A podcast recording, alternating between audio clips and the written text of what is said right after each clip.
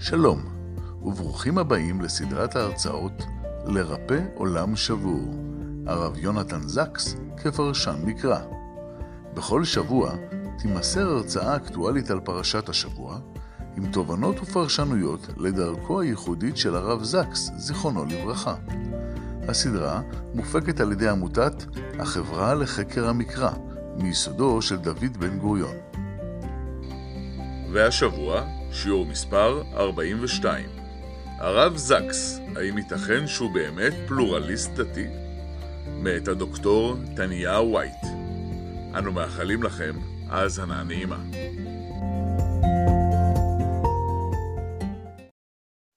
ערב טוב, תודה רבה ישראל. אני מאוד שמחה לראות את כולם הערב, ואני ממש מודה לך על ההזדמנות הזאת לשתף אתכם בחוויות שלי לפחות עם הרב זקס. הוא היה מורי, אני גדלתי באנגליה, כמו שאתם יכולים להבחין מהמיטה שלי, ושאני הייתי חניכה בבני עקיבא, הוא היה מגיע ומדבר איתנו, ואני פגשתי איתו אישית כמה פעמים, הוא ממש הדריך אותי בהחלטות גדולות בחיים שלי, וכמובן ההשפעה שלו מהספרים וכל הכתובים, וגם הלכתי הרבה פעמים לשמוע אותו בהרצאות, זה היה השפעה מאוד מאוד גדולה,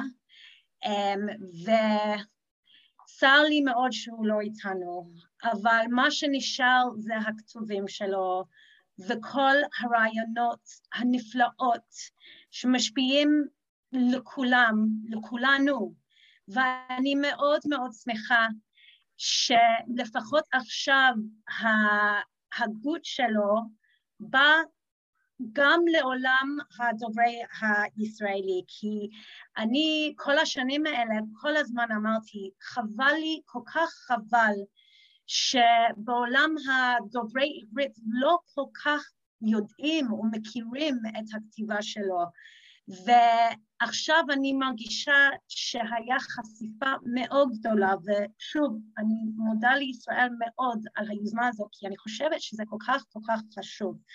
עכשיו, אני זוכר המון פעמים שהרב זקס הגיע לפה, לישראל, להרצות, הוא היה מתחיל בעברית, והוא היה אומר, תאמינו לי, אתם לא רוצים לשמוע אותי בעברית. ובהתחלה שישראל בא אליי ואמר לי, את רוצה להעביר הרצאה? אמרתי לו, אני מעבירה בעברית, אבל ממש לא באופן רשמי. Um, אני מעבירה המון באנגלית, ברוך השם, אני הולכת גם uh, לכל מיני מקומות בעולם, אבל uh, בעברית פחות. אבל הוא שכנע אותי, ואני מרגישה שבזכות הרב um, אני מנסה אז uh, אני מקווה מאוד שאתם תהנו, ויותר מזה שאתם תלמדו קצת יותר על התפיסות uh, שלו והגות שלו, ובמיוחד במיוחד על, ה, על מה שאנחנו נדבר הערב, שזה בעצם הבעיה של הרוע בעולם. עכשיו, זה כותרת וזה um, מושג לא פשוט.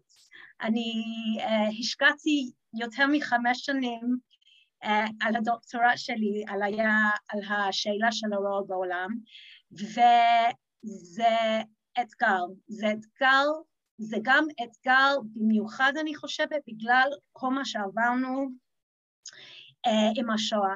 ואני חושבת רב זקס הביא לנו תפיסה מאוד מיוחדת, ואפילו הייתי אומרת קצת מהפכני.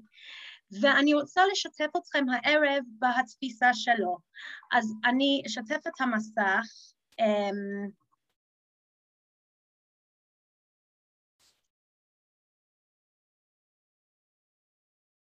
אוקיי, okay, אתם רואים?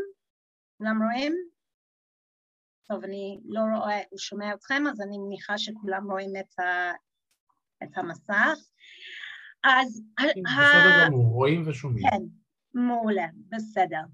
אז אני רוצה להתחיל בזה איפה, איפה הוא כותב על הנושא.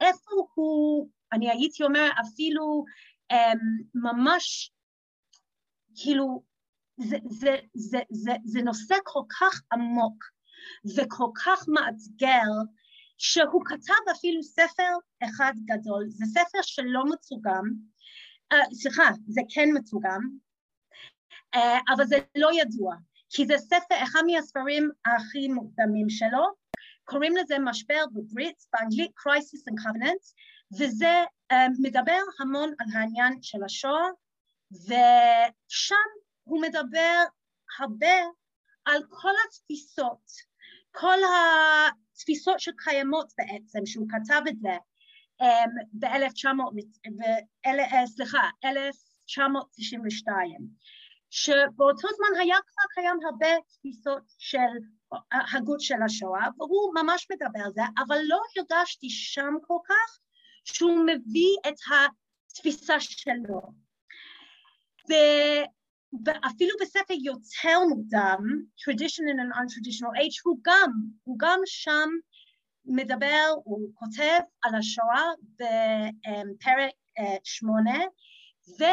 אבל הספר שבו אני מרגישה שזה באמת הספר שהוא ממש נכנסת לשאלה זה הספר רדיקליו אז רדיקליו עכשיו, רדיקל then רדיקל now, שנכתב בשנת 2000, ושם לדעתי כל הספר מובנה על השאלה למה יש רוע בעולם. ומה שאני אעשה הערב, אני, אני, אני אסביר לכם איפה ואיך הוא מתמודד עם השאלה. יש עוד ספר שזה נורא חשוב, ספר שקוראים לזה לרפא העולם שבור, ושם גם הוא מדבר uh, במיוחד בפרק שתיים, הוא מדבר גם על העניין של רוע בעולם. אז עכשיו אני רוצה להיכנס לבעיה שלנו. לפני שאנחנו נגיע להגות של הרב זקס, אני רוצה לעשות קצת הקדמה, קצת כאילו להבין מה האתגר, על מה מדובר, ומבחינה פילוסופי להבין מה האתגר, כי אנחנו כולנו הרי יודעים שאנחנו רואים סבל, או אנחנו מרגישים סבל בעולם, שאנחנו חושבים בכלל על השואה וה... השאלה הגדולה, השאלה התיאולוגיה הכי גדולה ש, שבה שאנחנו חושבים על השואה, אנחנו יודעים את זה, אנחנו מרגישים את זה אפילו בפנים. אבל אני רוצה לבוא קצת כאילו באופן קצת רחוק, ואני רוצה להבין פילוסופי מה זה אומר. אז אני רוצה להביא אה, מושג, המושג קוראים לזה תאודיציה, תאודיציה זה בעצם צידוק האל, סי אודסי, תיאו זה האלוהים, עוד, די זה, מילה בגריק, זה כאילו justify, כאילו זה להצדיק את האל. עכשיו למה זה בעיה? למה הבעיית הרוע בעולם כל כך הרבה יותר בעייתי אפילו לדת ולאנשים דתיים? והשאלה, התשובה מאוד פשוט. אם אנחנו רואים את זה ככה, יש פה שש נקודות. אנחנו יודעים, אנחנו מרגישים אמפירי, אנחנו ממש מרגישים את זה ורואים שיש רוע בעולם. כולנו, גם אם זה באופן אישי, גם באופן אמיני, אה, גם בעולם, רואים את זה יום-יום. אבל אנחנו גם מאמינים שיש הקדוש ברוך הוא, שיש אל. ואנחנו גם מאמינים שהאל זה לא כמו אה, האלים בעולם העתיק, שהם לא אכפת להם מה קורה עם בן אדם. אנחנו מאמינים שהקדוש ברוך הוא הוא טוב, הוא רוצה טוב לבריאות, והוא כל יכול, הוא כל יכול וכל ידוע והוא טוב. ויותר מזה, הוא פעיל. יש השגחה, הוא מעורב בעולם שלנו, אז זה באמת הבעיה. הבעיה שאנחנו רואים, אנחנו חווים את הרוע, אבל מצד שני אנחנו מאמינים שיש אלוקים, והאלוקים רוצה שיהיה לנו טוב. אז מה אנחנו עושים עם הדיסוננס? איך אנחנו מתמודדים עם הפער הזאתי? ובעצם זה מתחיל מגיל מאוד מאוד קטן. אם אנחנו חושבים על הילדים שלנו, שהם באים מבית ספר ואומרים לנו, זה לא פייר. מה לא פייר? המורה עשתה לי, המורה אישם אותי ואשם אותי במשהו, וזה לא פייר כי לא עשיתי את זה. מגיל מאוד קטן אנחנו חווים את החוויה הזאתי של העולם אמור להיות איך שאנחנו מדמיינים שזה יהיה, אידיאלי, בין הפער בין זה לבין שאנחנו באמת חווים במציאות. אז הפער בין איך העולם אמור להיות לבין איך העולם באמת. וזה, וקוראים לזה במילים uh, של ילדים, זה לא פייר, כן? אבל אנחנו כמבוגרים, אנחנו גם חווים את הפער הזאת, אנחנו גם חווים את זה. זה לא אותו דבר. כשאנחנו מבוגרים אנחנו מבינים שלפעמים אנשים עושים דברים שלא מוצדק, והמורה כנראה עשה משהו לא מוצדק. זה בסדר, זה קורה. אבל כשאנחנו חווים באמת טרגדיות, או אפילו, לא צריך להגיד אפילו, אתגרים מאוד אישיים של סבל, או של מחלות, או של כל מיני דברים אחרים, אנחנו באים לאיזשהו ייאוש, והייאוש מגיע ש... מהפער שאיך אני מדמיין העולם ואיך העולם באמת. ובמילים אחרות, עכשיו אני מכניסה את התיאולוגיה, במילים אחרות, איך אני מדמיין האל, האלוקים, רוצה שהעולם תהיה, ושאני אני מניחה שהאלוקים תביא לי עולם שלם, עולם טוב, ואיך אני חווה את זה. וזה מה שגורם לאנשים לעשות התהליך הפילוסופי שקוראים לזה תיאודיציה. אז מה זה תיאודיציה? תיאודיציה זה בעצם או להצדיק את האל, או להצדיק את הרע. וככה שאני מצדיקה את האל, או שאני מצדיקה את הרוע בעולם, אין לי דיסוננס, ואני יכולה לחיות בשלום. כי כולנו רוצים בעצם לחיות בשלום. הרי זה טבע האדם, שאנחנו לא אוהבים דיסוננס. אז התיאודיציה עושה זה בשבילי. עכשיו אני מביאה הבעיה במילים של פילוסוף מהעולם העתיק, אפיקורס, וזה דרך אגב לא מקרה שאפיקורס זה אפיקורס, זה על שמו, הוא אומר ככה, האם אלוהים מוכן למנוע רוע אך לא מסוגל? אז הוא לא כל יכול. האם הוא יכול אבל לא מוכן? אז הוא רע. האם הוא לא יכול וגם לא מוכן? אז הוא לא אלוהים. האם הוא כן יכול וכן כן מוכן? לא ייתכן, כי יש רוע בעולם. זה הבעיה. עכשיו, ב, um, בימינו היה פילוסוף אחד שנפתח שער ההגות לאחר השואה, וקוראים לו, uh, קוראים לו uh, ריצ'רד רובינסטין. ריצ'רד רובנסטין הוא היה הוגה שבאמת לקח המושגים של פרידריך ניטשה והוא תרגם אותם לתפיסה, תפיסה דתי, לא הייתי אומרת שזה כל כך דתי, אבל תפיסה פילוסופית שמתמודדת עם השואה.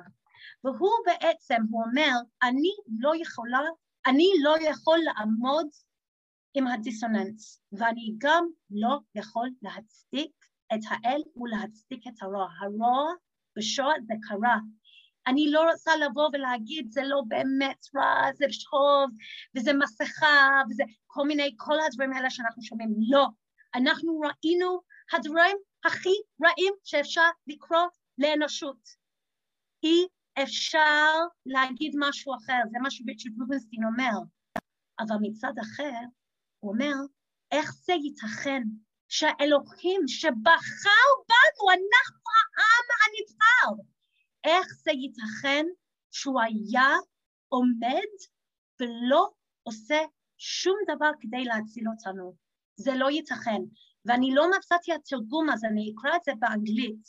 הוא אומר ככה, If I believed in God as the omnipotent author of the historical drama and Israel as its chosen people, אם, אם, אם האמנתי באלוקים, אלוקים שהוא הכל יכול, ושהוא כותב את ה...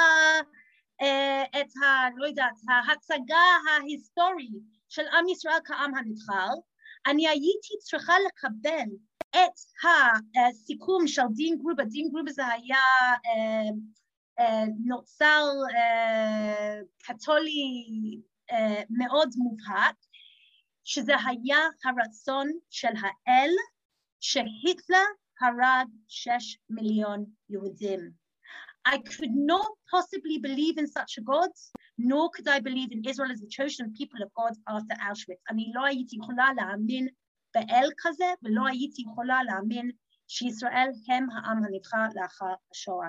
זה היה, הוא בעצם כותב God is dead, הוא משתמש במילים המונחים של פרידריך ניטשה, והוא אומר God is dead. וזהו, נגמר הסיפור.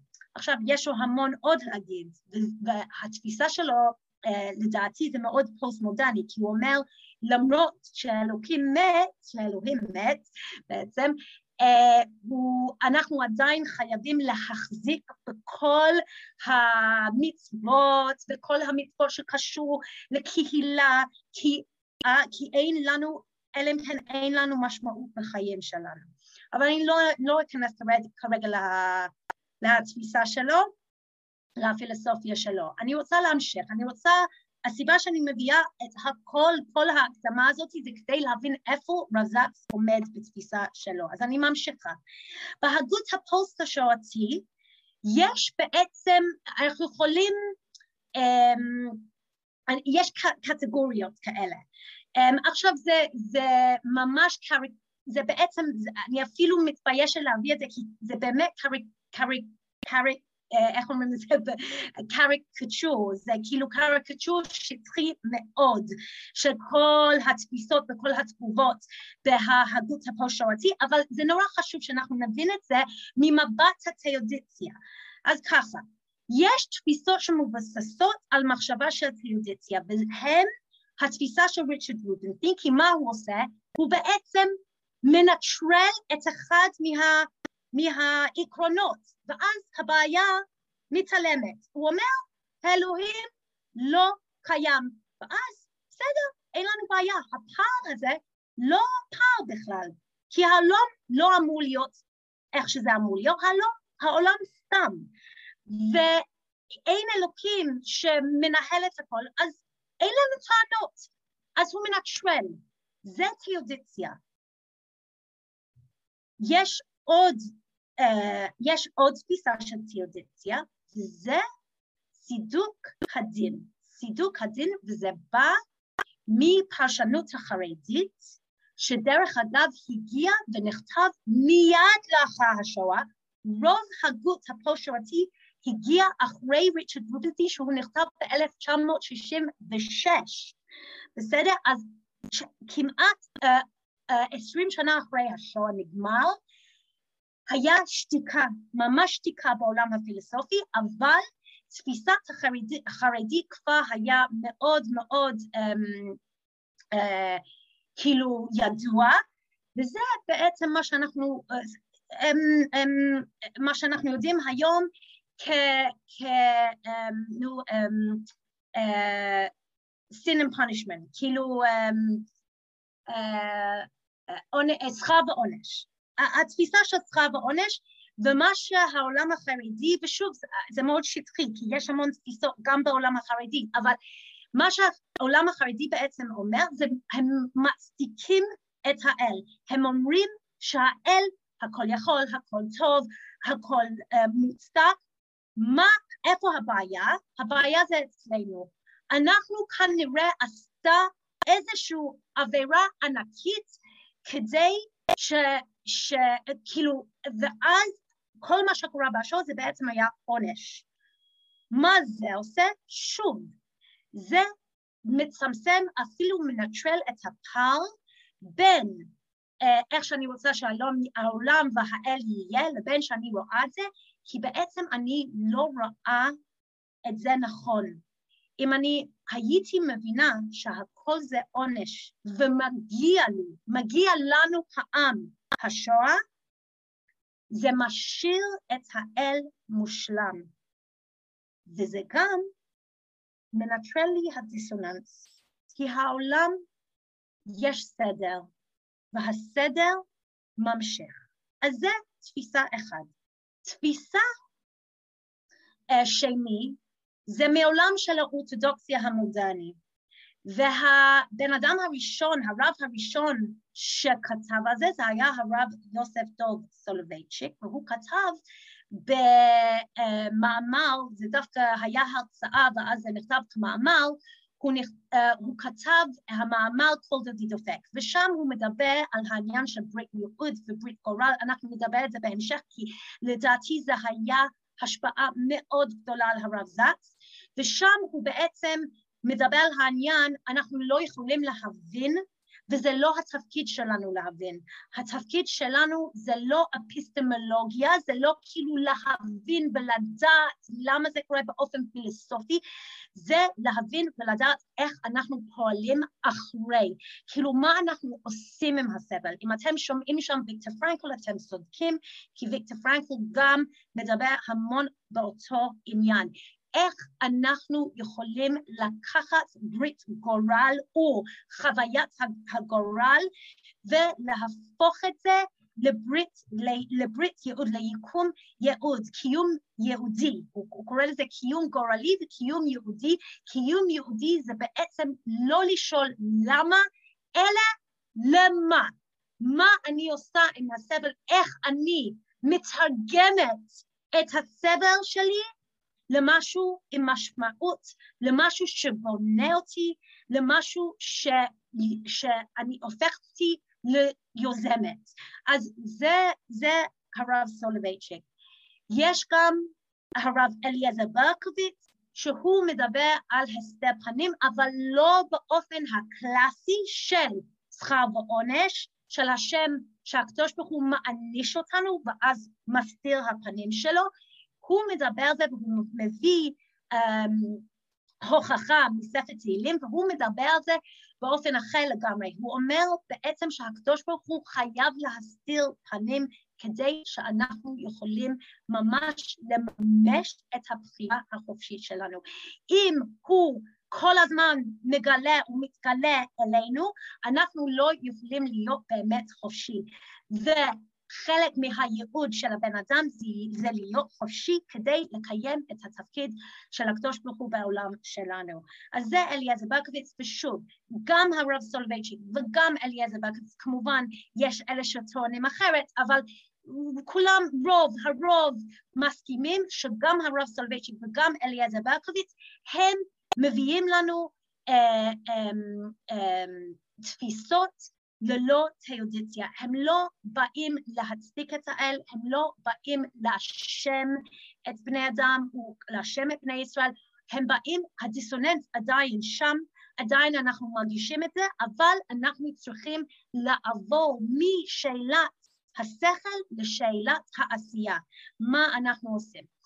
ואז יש עוד תפיסה ההכרעה לנצחיות של העם, גם ללא ציודיציה, וזה מישהו שקוראים לו אמל פקנהיים, הוא אחד מההוגים הכי מפורסמים ידועים בעולם הגות הפושעתי, וגם הרב ייץ גרינברג, שהוא כותב, אני לא אכנס עכשיו כרגע, אני כתבתי הדוקטורט שלי על הרב ייץ גרינברג, אבל אני לא אכנס כרגע לתפיסות שלהם, אבל שניהם ממש מדברים על העניין שיש לנו חובה להמשיך כעם, חובה לקיים את המצוות, פקנהיים פחות מדבר על המצוות, אבל יץ גרינברג כן, ולקיים את התפקיד שלנו כעם ישראל. אז זה בעצם כאילו סקיצה כזה, שאנחנו יכולים להבין איפה כולם עובדים, איפה כולם יושבים ואיפה כולם עובדים. ועכשיו אנחנו מגיעים לנקודה של הערב, וזה הרב זקס. והרב זקס, אני רוצה להבין איפה הוא עומד. איפה הוא עומד? איפה הוא עומד גם בה... כאילו, בהגות הג'נרי יותר של העולם הפוסט-שואתי, ואני רוצה להגיד דבר מאוד מאוד ממש כאילו מובן מאליו שקוראים את מה שהוא כותב על השואה, שהוא דוחה, הוא דוחה את התיאודיציה, תחיית התיאודיציה. הוא אומר שאי אפשר להבין, וגם מצד שני, אי אפשר, אי אפשר במאה אחוז להצדיק, כי אנחנו לא מבינים דרכ, הדרכים של הקדוש ברוך הוא. ואני הבאתי לכם אה, משהו פה אה, באנגלית, כי זה בא בעצם מספר שלא מתורגם, והוא אומר ש... אה, אני אקרא את זה באנגלית ואז אני אתרגם את זה כאילו um, יותר כאילו um, uh, בקצר. These views testify to an important feature of Jewish thought, namely that not all theology of suffering is theodicy. אז הוא אומר, לא כל התיאולוגיה של סבל זה צריך להיות תיאודיציה, שזה בעצם הניסיון להסביר, כן, להסביר את הסבל. Because Judaism is a religion of morality and history, has been absorbed by the problem of evil at every stage of its development. כאילו אנחנו, בגלל שאנחנו uh, עם שממש כאילו מבינים את המוסר וההיסטוריה uh, בתוך הגוף שלנו, כן? Um, הבעיה של הרוע זה תמיד מאתגר אותנו. ואז הוא אומר, אני קצת כאילו מדלגת, but a religious response does not necessarily take the form of an explanation. זה לא חייב, התגובה הדתית לא חייב לבוא ממקום של הסבר. אלה זה יכול לבוא ממקום אחר.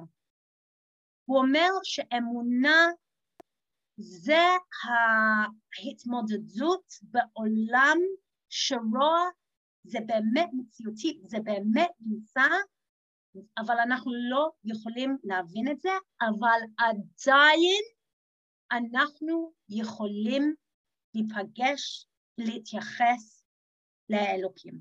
אז זה מה שהוא אומר בעצם, שהוא דוחה את העניין של התיאודיציה, ועכשיו אנחנו באים באמת לספר מהפכני אז מהפכני כעכשיו, זה ספר, דרך אגב, שאנשים שואלים אותי איזה, אם, אם אני רציתי להתחיל, אני יודעת שהמון המון קוראים אה, את הפרשנות שלו על פרשת השבוע, אבל אני מאוד מאוד ממליצה, אם אתם באמת רוצים להכיר הרב זץ, אין ספק שאתם באמת תפגוש אותו בספרים שלו. לא, בס, לא הספרים על פרשת השבוע, אבל הספרים היותר פילוסופיים, בוא נגיד, הספרים האלה, שם אתם באמת תפגוש את הרב זץ. שם הוא באמת נמצא, הוא, הוא גם נמצא, כן? הוא גם נמצא בפרשה, כאילו, על הפרשנות שלו, כי זה מדהים.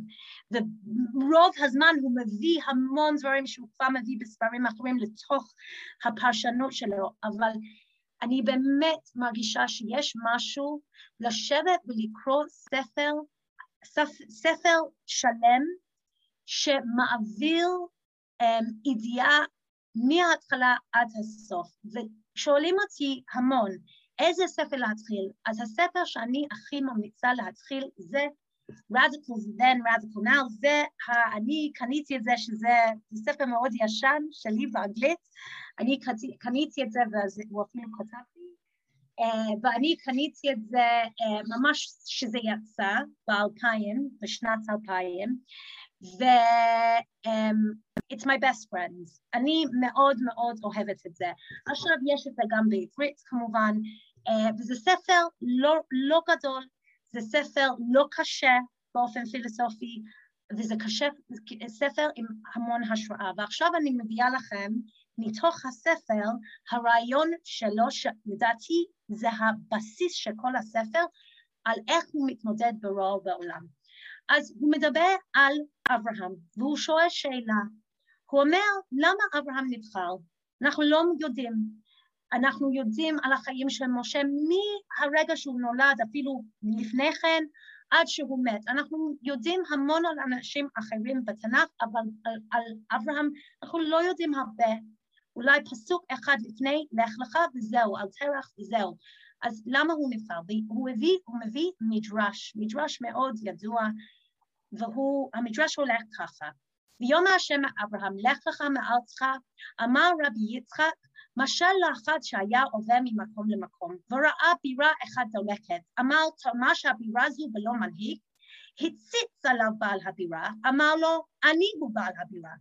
כך לפי שהיה אבינו אברהם אומר, תאמר שהעולם הזה בלא מנהיג, הציץ עליו הקדוש ברוך הוא ואמר לו, אני הוא בעל העולם. עכשיו, מדרש קצת מוזרה, כי זה מביא משל, אבל המשל לא כל כך מסתדר.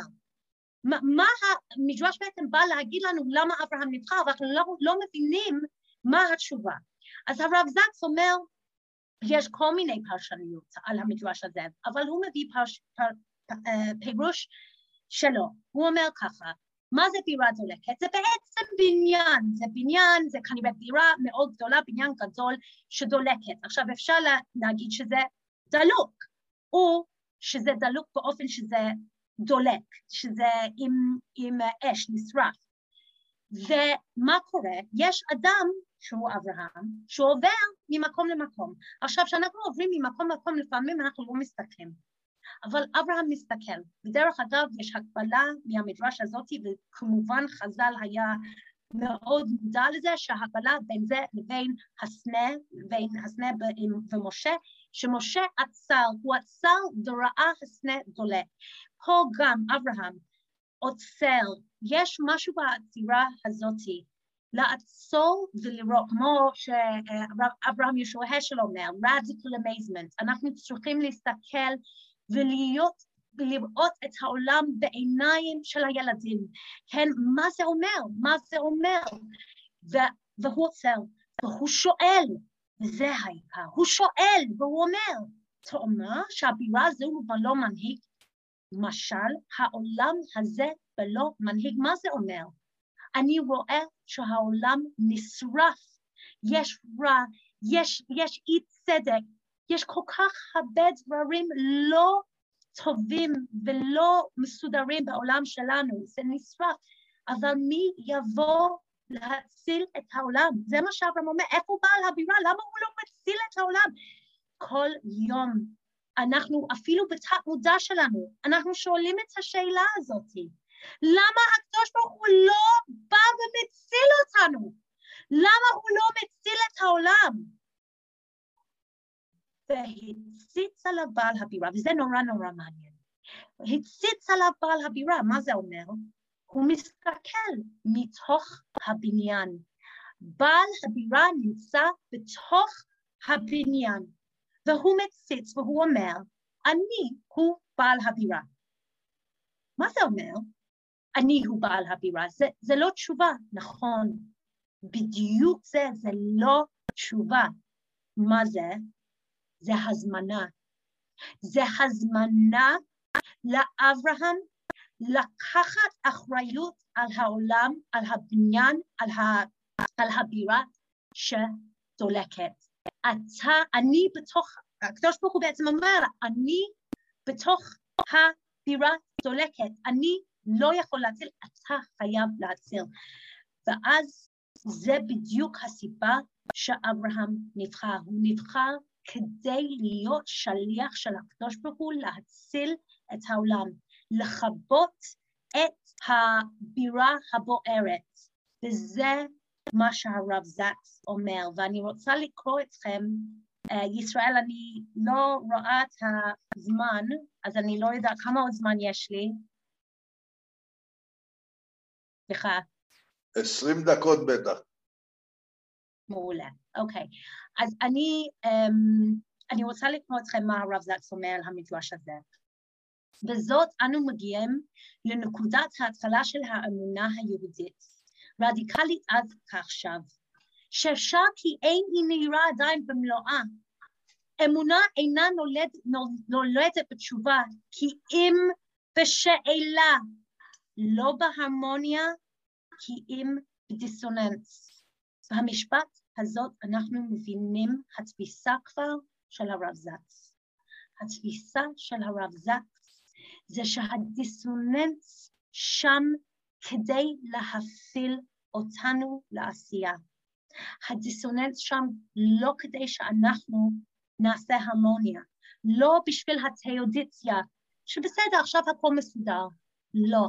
הדיסוננס שם כדי לערער בנו איזושהי שאלה שלא נותן לנו מנוחה, שאלה שגורם אותנו לפעול ולעשות ולתקן את העולם.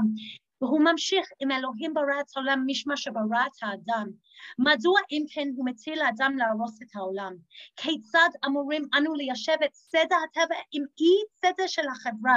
האם ייתכן שהאלוהים ברא את העולם רק כדי לנטוש אותו? ואז הוא מביא לנו את הדעות האחרות.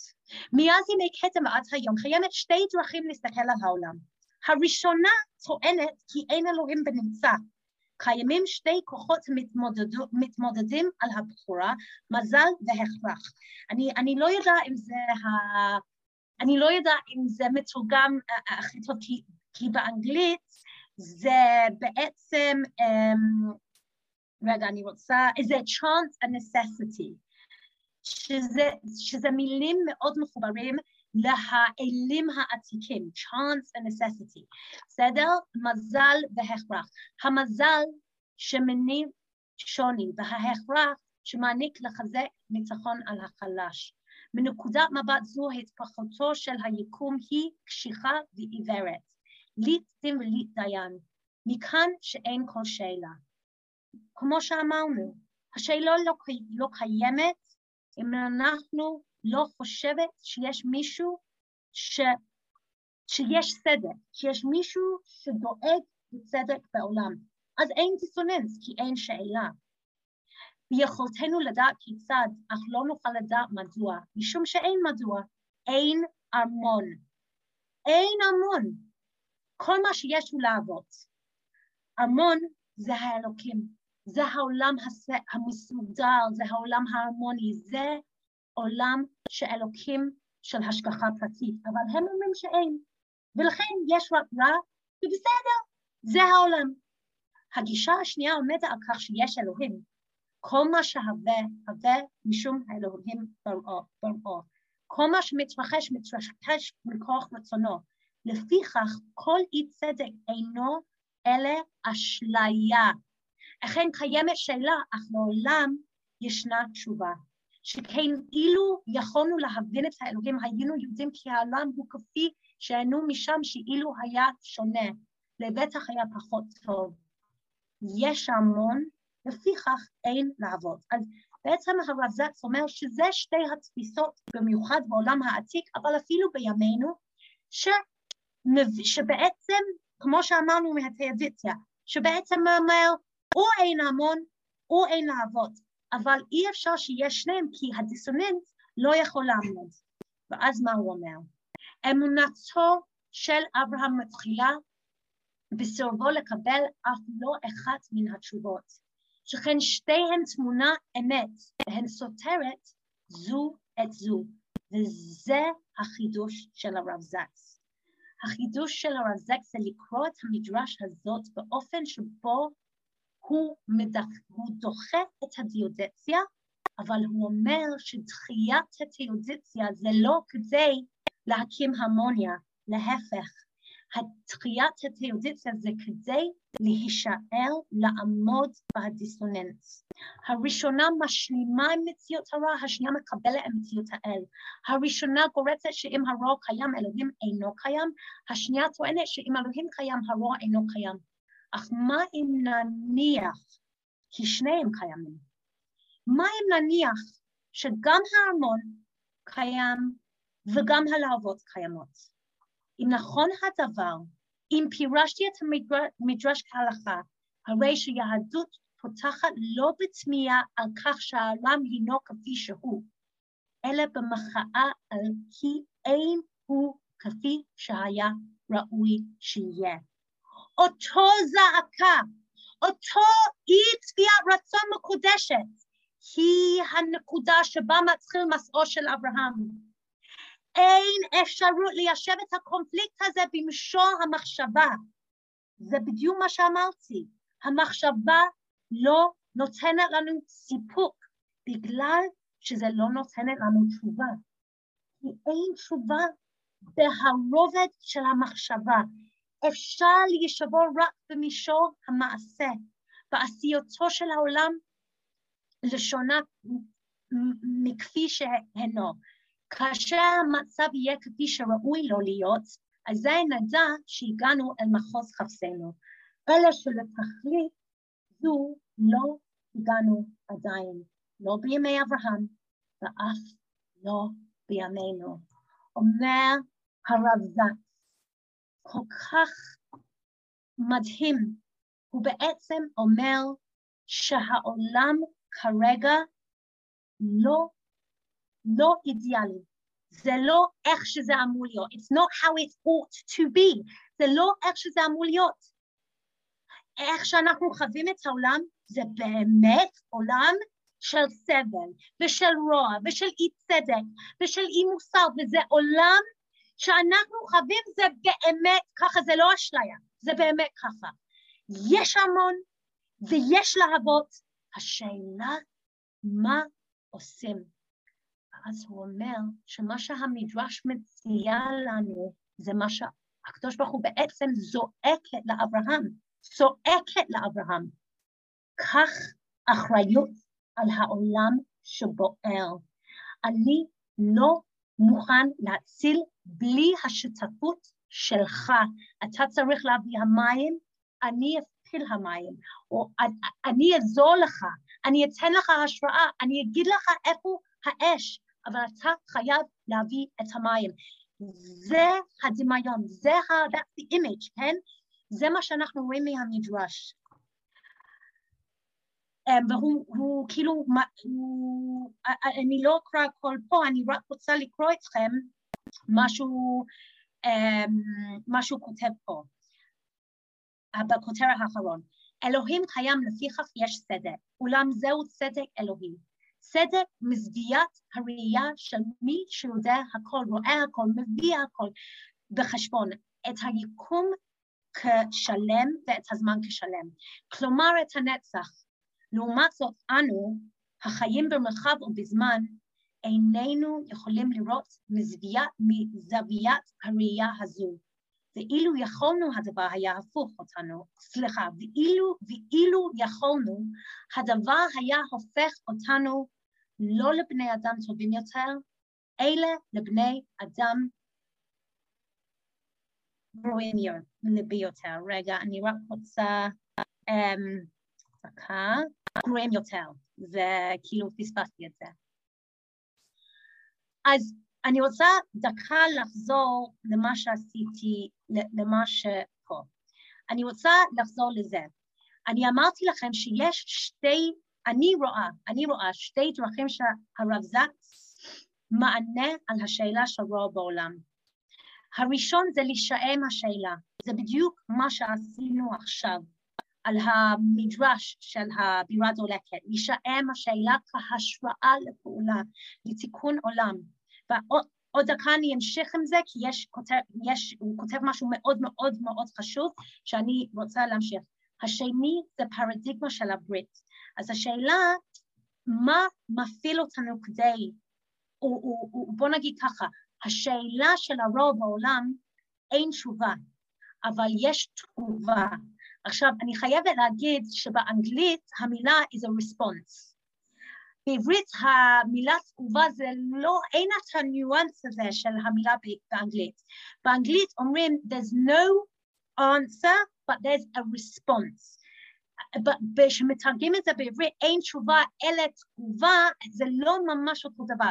תגובה זה לא שאני, תגובה זה ריספונס זה כאילו איך זה יותר מתגובה, זה תגובה באופן עשייה.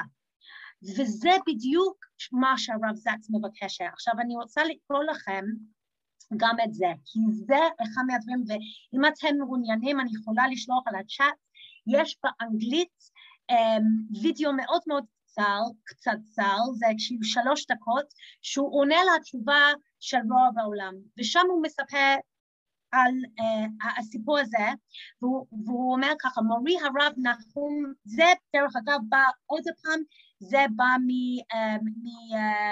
מרדיקליות uh, uh, אז רדיקליות עכשיו. מורי הרב נחום רבינו, סליחה, זה לא בא, אני מצטערת, זה בא מלרפא עולם שבור. זה בא מלרפא עולם שבור.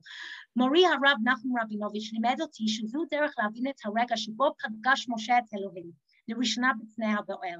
ויסתה משה פניו כי יראה מהמביט האלוהים. מדוע יראה? מפני שידע שאם יבין את דרכי האלוהים הוא ייאלץ להשלים עם העבדות ועם הדיכוי בעולם. מנקודת המבט הגבוה של הנצח הוא יראה שהרע הוא שלב הכרחי במסע של הטוב. הוא יבין את האלוהים אבל הוא יחדל להיות משה, לוחם הצדק שמתערב בכל מקום שראה שהעוולה נעשית, נעשית. הוא יראה שלאחר שיראה את השמיים יגבו עיניו לראות את הארץ, שהתקרבותו אל האין סוף תעלה לו באובדן האנושיות. טוב, מסיבה זו בכה אלוהים במשה, מסיבה זו לימד את אברהם להתפלל. חוקרת שור ראיינה פעם אדמו"ר חסידי, ניצול מחנות ההשמדה. למרבה הפליאה היא נראה כמו שאמונתה לא נפגמה גם לאחר שהלך בגץ המוות. הוא יכול עדיין לחייך. כשראית מה, כשראית מה שראית, שאלה אותו, האם לא היו לך שאלות על האלוהים? ודאי שהיו לי שאלות, אמר. שאלות קשות כל כך שידעתי שאם אשאל אותן, השם ודאי יזמין אותי באופן אישי לגן עדן, כדי לומר לי את התשובות.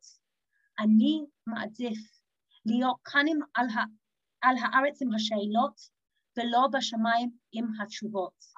גם הוא השתייך לאותו מסורת יהודה, יהודית קדומה. להישאר עם השאלות כטריגר,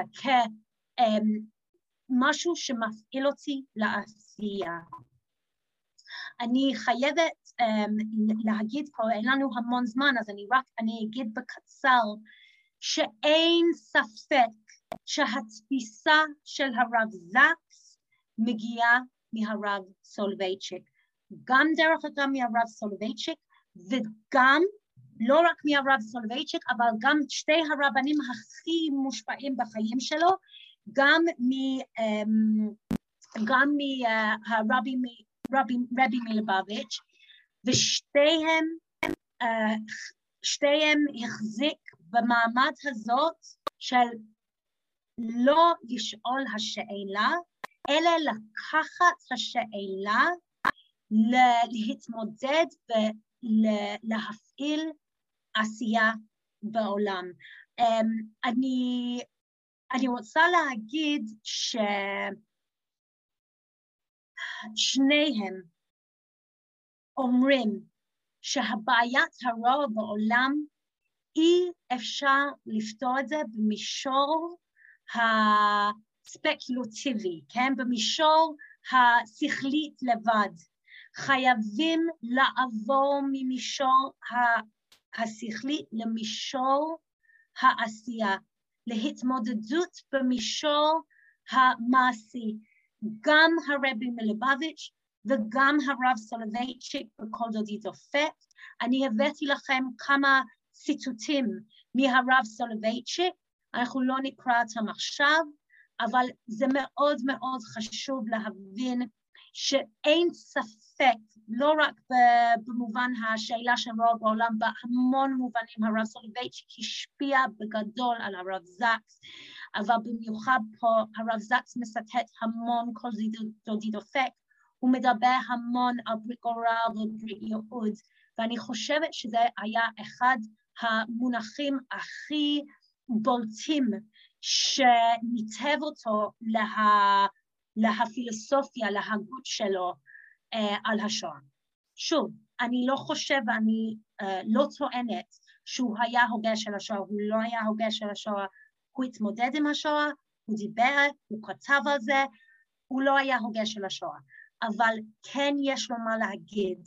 וכמו שאמרתי, המה להגיד זה בעצם לא להישאר, לא להישאר בייאוש הזה, בהדיסוננס, שזה פשוט מייאש אותנו, אלא להישאר בדיסוננס, ותראה הדיסוננס כלכתחילה, לא בדיעבד בעצם, כלכתחילה, איפה שהאנושות צריך להיות כדי להיות שותפים של הברית, וזה לוקח אותי לשלב השני.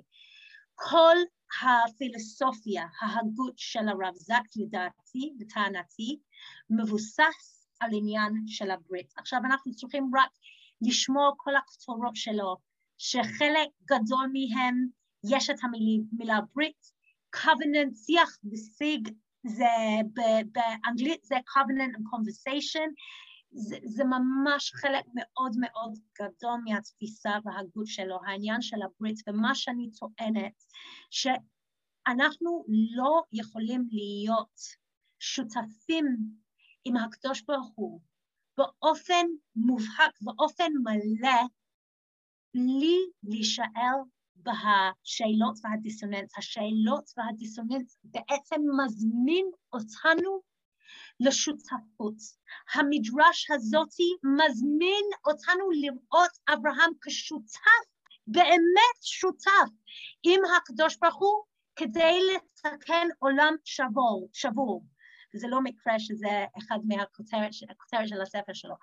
ואז אני מגיעה להפרדיגמה של הברית של, של תיקון עולם, ואני הבאתי לכם שלוש ציטוטים. ככה הוא כותב בלרפא עולם שבור. אמונה אין פירושו ודאות.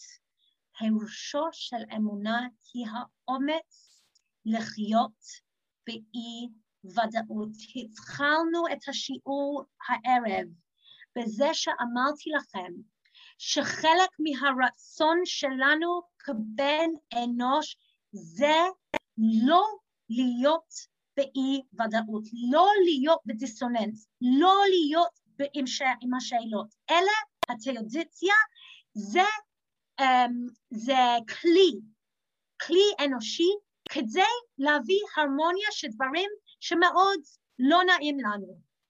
אבל הרב זקס אומר הפוך, דווקא אנחנו חייבים להישאר באי ודאות, זה חלק מהאמונה. למאמין אין בהכרח תשובות, אבל יש לו האומץ לשאול את השאלות, ועם זאת לא לוותר על האלוהים.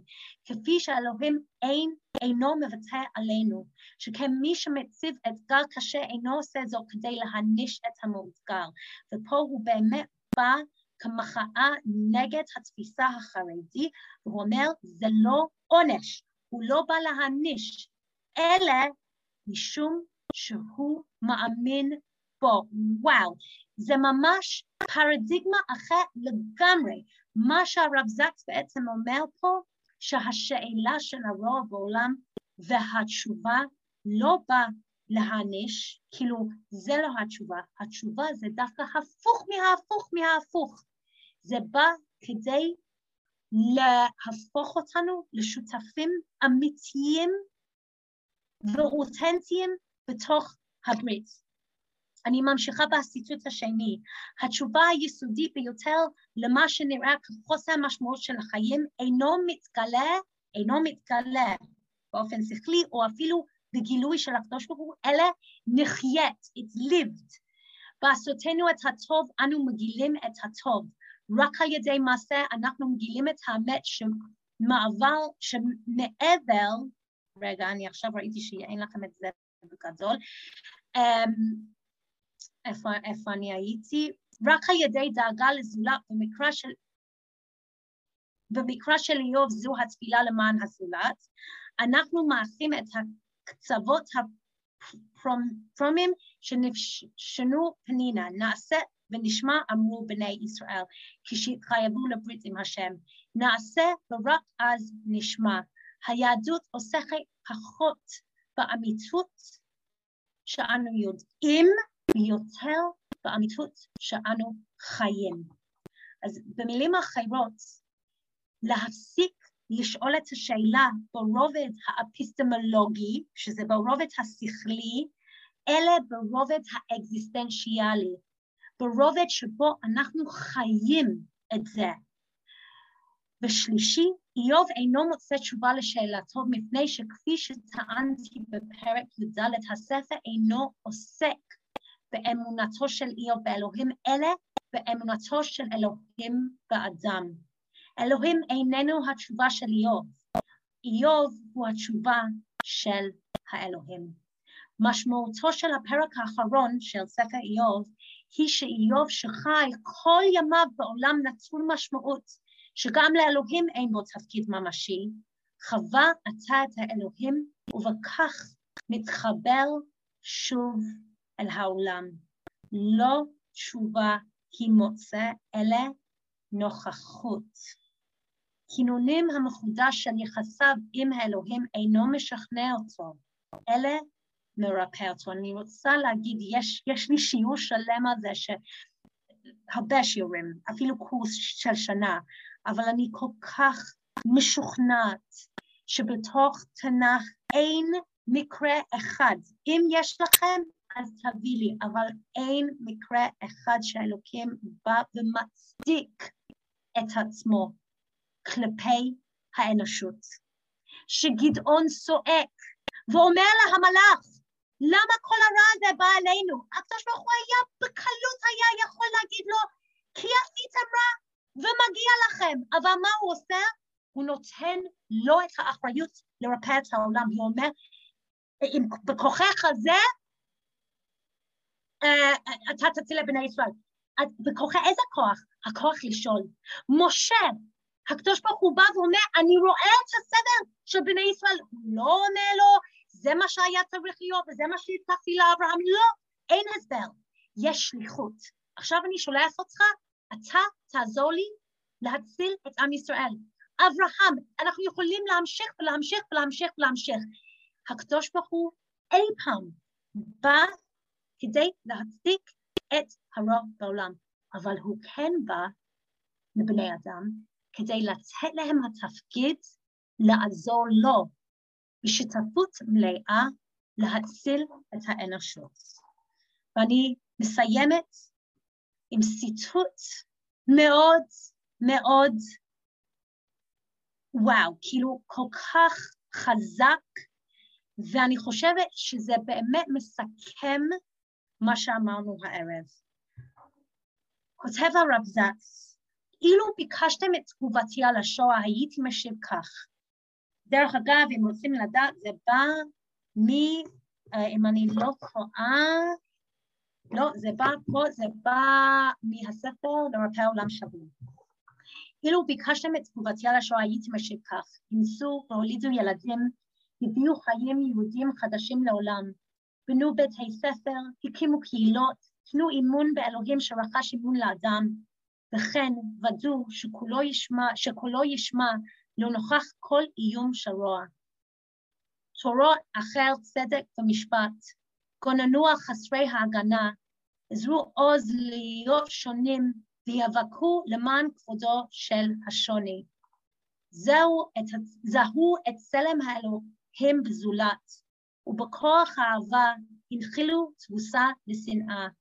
פעמים בשנה, ביום השואה, בתשעה באב, שבו והתאבלו על הנשפים והזכירו אותם תפילותיכם, אך מעל לכל המשיכו לחיות כיהודים.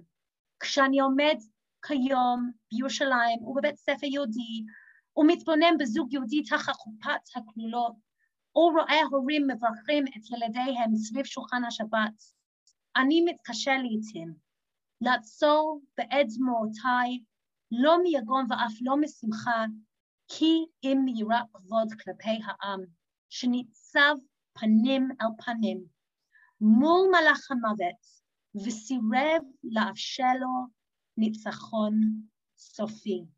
עם ישראל חי, ועדיין מעיד על אל החי. אני חושבת שזה פשוט מאוד חזק, אני חושבת שהתפיסה של הרב זקס נותן לנו לא הרמוניה, אבל תקווה. והתקווה זה מה שבאמת גורם לנו לקחת אחריות, לפעול כשותפים בברית ולהמשיך הלאה יום-יום. אז אני תודה רבה שוב על ההזמנה, מאוד שמחתי לראות אתכם, לפגוש אתכם, אה, ומקווה יום ניפגש פנים מול פנים, באופן ריאלי. תודה. אם יש שאלות, אני בשמחה יכולה לענות. משה, אתה רצית לשאול או להגיב? תפתח את, ה, תפתח את הרמקול. הרמקול, הרמקול. לא שומעים, אתה על מיוט. כן, עכשיו שומעים? עכשיו כן. יופי. קודם כל תודה על השיעור. אה, נגיד שהבנתי 80 אחוז זה גם מספיק. אה, אני, יש לי הרבה שאלות, אבל חבל על הזמן, בטח יש עוד אנשים שרוצים לשאול. אני רק רוצה לשאול שאלה שהתלבטתי איתה. אה, הבנתי את התיאוריה, כן, ב-80 אחוז האלה. אני שואל אותך, איך אני יכול להעביר תיאוריה כל כך קשה, כל כך פילוסופית, לילדים קטנים, לנכדים שלי, לבנים שלי. את נמצאת, אני חושב, עם, עם, עם ה-level הגבוה ביותר של האנשים שיכולים להבין את מה שאת אמרת. איך מפרשים דבר כזה לנוער? איך מבקשים דבר כזה לאנשים לא כל כך מבינים? אני, מבין, אני מקווה שאת מבינה. אני מבינה לחלוטין. Um, אני, אני הייתי אומרת ככה, שילד בן חמש חוזר הביתה, הוא בן, בוא נגיד, כיתה א', כן? בן שבע חוזר הביתה, ואומר, אם העולם נופל, או המורה נופל, או... אני חושבת כבר בגיל הזה אפשר להעביר להם המסר של הרב זקס. איך מעבירים את המסר של הרב זקס? מעבירים את זה ככה. זה נכון מאוד, העולם נופל, ולפעמים דברים קורים. דברים קורים בעולם, ואנחנו לא בהכרח מבינים, יש אנשים שלפעמים מנהגים באי צדק, ויש אנשים שלפעמים עושים דברים רעים בעולם. אנחנו כולנו יודעים, הרי אנחנו לא צריכים להסתכל מאוד רחוק מהעולם שלנו כרגע על מקרים מאוד מאוד קשים של, אני לא מדבר על השואה, כן? של, של מקרים קשים של אנשים שחשבנו שהם כולו טוב והם ממש לא, וזה דברים שקורים יום-יום. ומה שהרב זקס בעצם אומר לנו, שבעולם הזה אין תשובות, כי אנחנו הרי לא האלוהים. אם אנחנו היינו אלוהים, הכל היה ברור לנו, כן? אבל אנחנו לא. ויש סיבה שאנחנו לא האלוהים. הסיבה שאנחנו לא הקדוש ברוך הוא זה בדיוק בגלל שהוא רוצה לתת לנו אחריות לתקן עולם. עכשיו, מה זה אומר? מה זה אומר ילד בן שבע?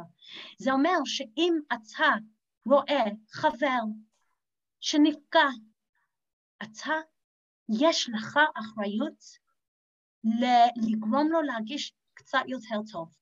יש לך אחריות לרפא את העולם שלו, לשחק איתו, להג...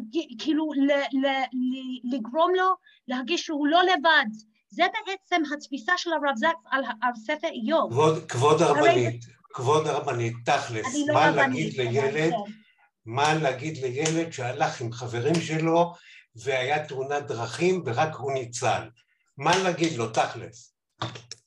אוקיי. להגיד לו שאנחנו שוב, אנחנו לא מבינים את העולם, אבל מה שאנחנו כן יכולים לעשות זה לפעול שדברים כאלה לא יקרה, שאנחנו נלך ונדרוש צדק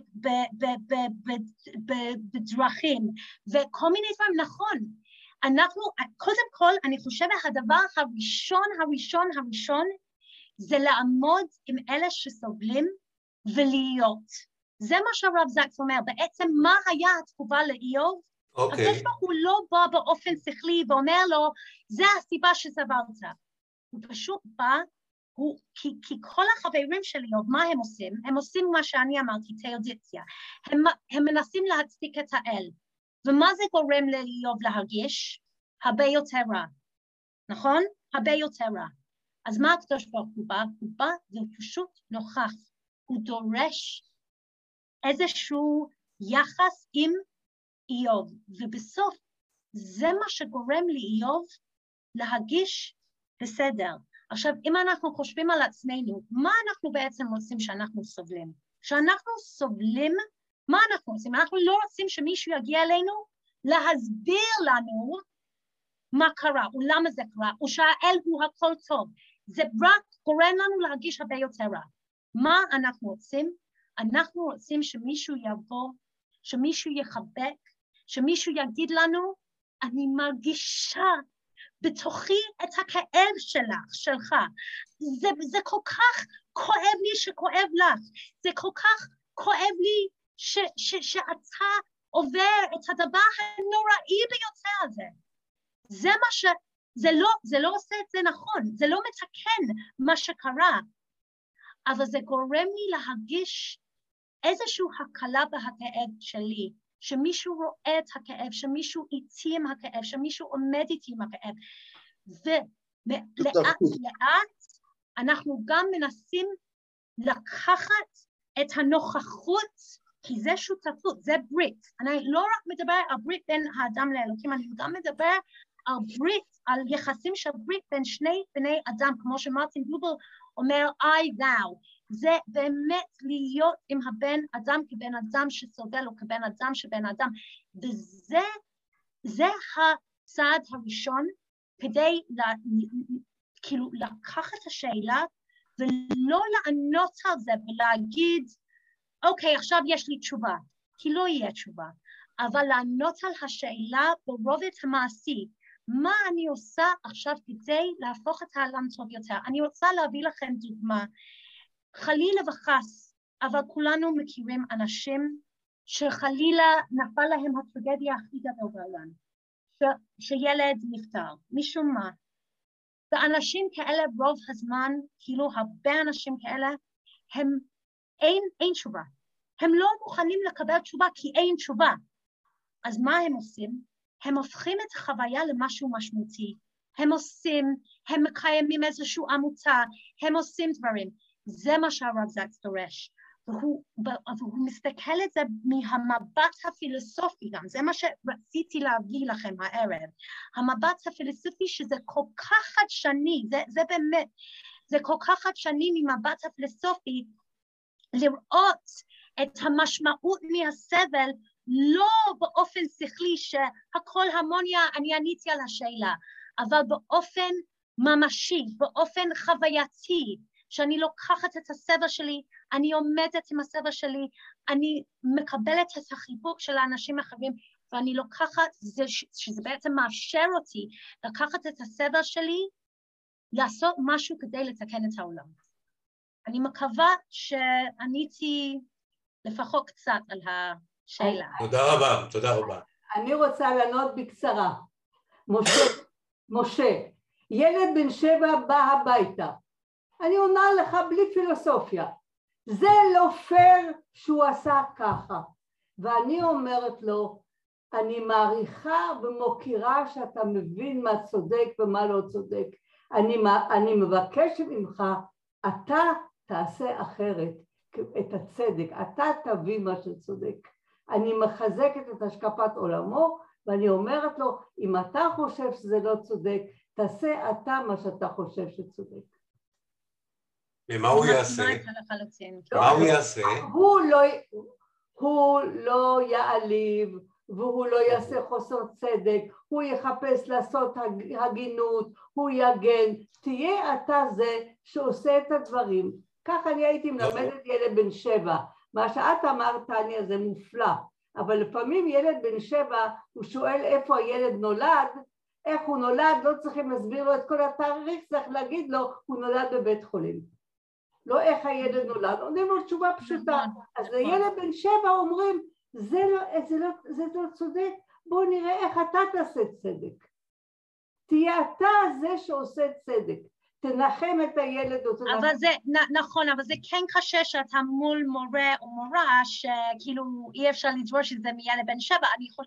אז אני לוקחת מה שאת אומרת, אני מסכימה את לחלוטין, ואני חושבת שזו תשובה מאוד מאוד יפה, אבל אני גם הייתי אומרת לילד הזה, זה בסדר, כי לפעמים העולם לא בדיוק כמו איך שאנחנו רוצים שזה זה יהיה. נכון, תמיד אומרים, הדברים לא תמיד כפי שאנחנו רוצים, אבל בואו נראה מה אנחנו יכולים לעשות יותר טוב. זה אני חושבת הרעיון הגדול של הרב זקס. בכל, וזה באמת רעיון מקסים, ותודה רבה. הרבה עומק, הרבה ידע. תעשה תודה. טוב, יהיה טוב. מה? טניה, אני אומר, תעשה טוב, יהיה טוב. טניה, את אמרת משהו על שיש לך סרט של שלוש דקות. את יכולה אה, לעלות נכון, אני, אותו? אני, אני אשתף את זה עכשיו בצ'אט. בבקשה. במקום הסרט שאנחנו רצינו לעלות, בואי תעלי את הסרט שלך. אה, אבל זה באנגלית, זה בסדר? יש לו תרגום? לא. אוקיי, את יכולה... עדיף, עדיף, עדיף, אני, אני, אני, אש- אני אשים את זה פה בצ'אט. אה, רגע, עשיתי את זה, אופס, רגע. תעלי את זה אני- ותתרגמי, תוך כדי דיבור. באמת? זה יהיה קצת, אה, אוקיי, אם אתם רוצים, אני, אני, זה, זה בעצם מה שאנחנו קראנו את הסיפור, אז, אבל זה מאוד יפה איך שהוא אומר את זה, אז אני אעלה את זה, רגע, אה, דקה, אני מנסה להעלות את זה. אה, הנה, מישהו כותב פה, זה נכון, האנגלית של הרב זקס ברורה. אוקיי. מה? מה זה אומר? זאת אומרת שאפשר להבין אותו. אה, אה, הוא רע. אה, אוקיי, חשבתי שרע. רגע. אה, דקה, דקה. אני מקווה שזה יעבוד. אה, אוקיי, אה, אם, אם אתם לא שומעים, ישראל תגיד לי, בסדר? אבל אוקיי? אתם אמורים לשמוע ולראות. טוב. Abraham asks, Hashofet kol haaretz lo yaseh mishpat? Shall the judge of all the earth not do justice? Moses asks, Lama hareot? Why have you done evil, God, to this people? Jeremiah says, God, I know you always win every argument I have with you, but I still want to know why do the wicked prosper? Why do the righteous suffer? Habakkuk asks the same thing. The entire book of Job is dedicated to it. So that question is at the very heart of Judaism. And there are some questions to which the very greatest of the great don't wish to know the answer. One of the great rabbis of the 20th century, totally remarkable individual, called Rabbi Yekutiel Hal- Halberstam, the Klausenberger Rav, went through the Holocaust, was in several concentration camps, including Auschwitz. During the Holocaust, he lost his wife and 11 children, all 11 children. The Klausenberger was an extraordinary man who vowed in the concentration camps, in this evil kingdom of death, that if he ever survived, he would dedicate the rest of his life to life itself, to healing life, to saving life. And eventually brought his followers to uh, Israel and built the Laniado Hospital in Netanya, dedicated to saving life of whoever needs it Jew, Christian, Muslim. And the Klausenberger was once asked, after you all you have been through, after losing your whole family, after surviving Auschwitz, do you have no questions of God? And the Klausenberger replied, Yes, I have questions. And they are such deep questions that I know for sure that were I ever to ask them, God would invite me up to heaven to give me the answers himself. And I prefer to be down here with the questions than up there with the answers. Now, that is a very, very Jewish reply. If we found an argument that satisfied us as to why bad things happen to good people, we would be reconciled with bad things happening to good people. But because we have the question and we don't yet have the answer, we are not reconciled. And therefore we fight so that bad things do not continue to happen to good people. That is why you will find Jews disproportionately represented among doctors fighting disease, economists fighting poverty, teachers fighting ignorance, lawyers fighting injustice. Why? Because we refuse to answer the question why bad things happen to good people. We try and create a world in which fewer and fewer bad things happen. And that, I think, is the Jewish way. Sometimes faith lies in the question, not in the answer. Click subscribe. אז זה סיכום טוב. אפשר התייחסות קטנה. אה, הרב, אה, הרב אה, זקס בעצמו אמר שאין לנו יכולת למנוע את, ההת, את ההתבוללות ואת הנישואי התערובת של כל עם ישראל, אין לנו יכולת לנהל את הכוחות. אז אנחנו בכל זאת צריכים כאן לצעוק לקדוש ברוך הוא, כן, שאין לנו יכולת להציל, להציל את העולם, אנחנו צריכים את ההתערבות שלו, דווקא בגלל המוגבלות שלנו. ולכן, מה אתה רוצה לומר? אני רוצה אה, לומר, כן, כש...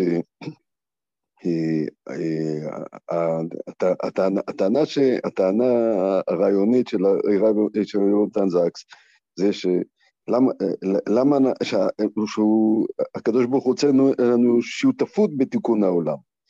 כן, מצד שני, אנחנו, הרב יונתן זקס עצמו אמר בדברים שלו שאנחנו לא כל יכולים, אנחנו מוגבלים, כן, למשל בהצלת עם ישראל מהתבוללות. זאת אומרת, מה שאנחנו צריכים לעשות זה אה, לעמוד ולצעוק לקדוש ברוך הוא עד מתי, דווקא בגלל המוגבלות שלנו. אנחנו לא, לא מוכנים לקבל את הסבל הזה, לא מוכנים לקבל את, ה, אה, אה, את המצב כמו שהוא עכשיו, ומה שיש לנו לצעוק זה פשוט לצעוק לקדוש ברוך הוא, שזה בלתי נסבל, ועד מתי. אני לא, אני לא מסכימה. אני לא חושבת שזה מה שהרב זקס אומר. אני, כי, לא, כי אני, זה אני, הופך אני, את הבן אדם למישהו מאוד מאוד פסיבי, וזה ממש ממש לא היה התפיסה שלו. לא, אני, אני, אני משיג על התפיסה שלו, אני אומר מתוך הדברים ש, ש, ש, עצמו שהוא אמר, כן, שהוא עצמו אמר שאנחנו לא כל יכולים. שיש דברים שאנחנו לא יכולים להפסיק. לא, הוא אמר שאנחנו, זה נכון, כי אנחנו בני אדם, אבל הוא, לא, הוא אמר שאנחנו לא הכל יודעים. סליחה, אבל הוא... הוא כמובן, לא הכל יכולים, אבל... אמר, הוא אמר שאנחנו לא יכולים להציל את עם ישראל מהתבוללות, מנישואי תערובת, זה מעבר לכוחות שלנו. הוא אמר דבר כזה. אני מאוד מעניין אותי איפה הוא כתב את זה, אני לא ראיתי את זה. אבל לא צריך להתייאש. זה, לדעתי, זה המסר. צריך להאמין שאנחנו שותפים לקדוש ברוך הוא בתיקון העולם, ולא להתייאש ולא לומר שאיננו יכולים. בדיוק. בדיוק, אבל לא, אני מאוד מאוד מסקרנת אותי לראות איפה אתה ראית שהוא כתב שאנחנו לא יכולים להפסיק ההתבוללות. הוא דיבר המון על זה, אבל הוא לא אמר שזה לא ביכולתנו. זה מה שהוא לחם על זה כל החיים שלו. אבל בפירוש אמר שאנחנו, לצערי, לצערו אנחנו לא יכולים להציל את, את כל עם ישראל מהתבוללות. כל, אוקיי, בסדר, אבל הוא אמר שהאתגר שלנו והתפקיד שלנו זה כן לעצור את זה. בסדר, אבל אנחנו מוגבלים, אז אנחנו צריכים לצעוק לקדוש ברוך הוא עד מתי. אבל זה, אבל זה לא, אוקיי, בסדר, זה לא היה, זה לא הבסיס של הפילוסופיה, זה ממש, לדעתי, איך שאתה הבנת את זה, אני לא סותר את מה שאת אומרת, אבל זה לא... אז, הוא מתמודד עם בעיה מאוד מאוד קשה, וזה נפלא, כן, אבל, אבל, אבל הוא בעצמו מבין שזה לא מספיק, אני מניח, כן, אנחנו, אנחנו כל יכולים... כמובן העניין של ברית, כמובן, כמובן העניין של ברית זה העניין של שותפות עם האלוקים, שיש השראה ויש, האלוקים גם פועל באיזשהו רובד ואופן, כמובן, כמובן, אבל זה לא, זה, כאילו, זה לא בעצם... זה לא מקטין את היכולת שלנו ואת ה, את התפקיד וה... כאילו, ה, לא יודע, ה, הדרישה של, הבני, של בני אדם או של היהודים, או לא משנה מי, ממש ללכת ולעשות ככל שיכולתנו. בסדר, אבל כתוב ויצעקו בני ישראל אל השם, לצעוק אל השם זה גם עבודה. אז זה- זה נכון, תפקיד אבל שלנו, זה תפקיד חשוב. בדיוק העניין, כמובן לצעוק אל השם, אבל לצעוק להשם לא כדי שהוא יבוא להציל אותנו נטו, הפוך, לצעוק להשם כדי לערער בנו את השאלה, כדי לגרום לנו לפעול, לא סתם לצעוק. זה, זה, אני, אני, אם, אם, אני, זה, זה נקודה מאוד מאוד מאוד חשובה, סליחה שאני כאילו מתעקשת על זה, כי זה הבדל ענקית בין מה שהרב זקס אומר למה שאתה אמרת. כי מה אמר- שאמרת הופך את הבן אדם לפסיבי, ומה שהרב זקס דורש, ממש דורש, זה שהבן אדם יהיה אקטיבי. ואני אני חושבת יהיה אקטיבי באופן. רצוף, יהיה אקטיבי באופן רצוף, בלי ייאוש. להאמין. בעצמך. בדיוק. גם צריך לזכור שהמטרה של האקטיביות היא לא לבטל את כל הרע בעולם, כי אף פעם אי אפשר יהיה לבטל את כל הרע בעולם. זה כמו לא יכלה, שלא, שתמיד יהיה אביון בזה. הרע תמיד צריך להיות כדי שאנחנו תמיד נשאף לעשות. זה מין איזשהו יחס גומלין, זה לא בא לבטל את. הרע. זה בדיוק מה שהוא, קראנו את זה, זה בדיוק מה שהוא אמר. מאה אחוז. כן. טניה, אני מוכרח לומר לסיום, שמה שאת עשית הערב, שהערת את האנשים להגיב ולהתווכח איתך, אני לא זוכר ב-41 שיעורים הקודמים שזה נעשה בכזאת אגרסיביות וכזה רצון להרים את הנושא ולהעלות אותו לאוויר, כיוון שהבעיה היא באמת בעיה, אבל אנחנו לא נפתור את כל הבעיות, אבל מצד שני, את צודקת, הרב זקס אמר, תהיו טובים ואז הכל יהיה טוב. תודה רבה לכם, תודה. תודה. אנחנו מקווה שזה לו. טוב, מקווה שבסוף זה היה טוב שהתווכחנו. מאוד, מאוד, מאוד, מאוד, וברוך השם, אני, אני רואה את האנשים, אני נהנה לראות את האנשים, אני רוא, נהנה לראות את הפנים המחייכות שלכם. אני מרגיש שעשינו דבר נכון ודבר טוב, וזה שאני שכנעתי אותך להגיע לפה, עשינו דבר מאוד טוב, ועל כך תודה רבה. ובעזרת השם אנחנו ניפגש. ובפעם הבאה, אל תעשי לי את, הסיפור כל כך קשה, אלא, איך אומרים, חצי, בחצי מהזמן אני אצליח לשכנע אותך. לא, לא, זה בגלל שאני הייתי באמצע הסוף של הדוקטורט, אני נכון. ממש אמרתי לך שאני מגישה את זה, אז אני שלך. אז אני, את זה, על זה אני עמדתי. מעולה. תודה רבה לכם. ערב תודה טוב. לכל המשתתפים, ערב טוב, ולהתראות בשבוע הבא. תודה רבה, שבת שלום. תודה.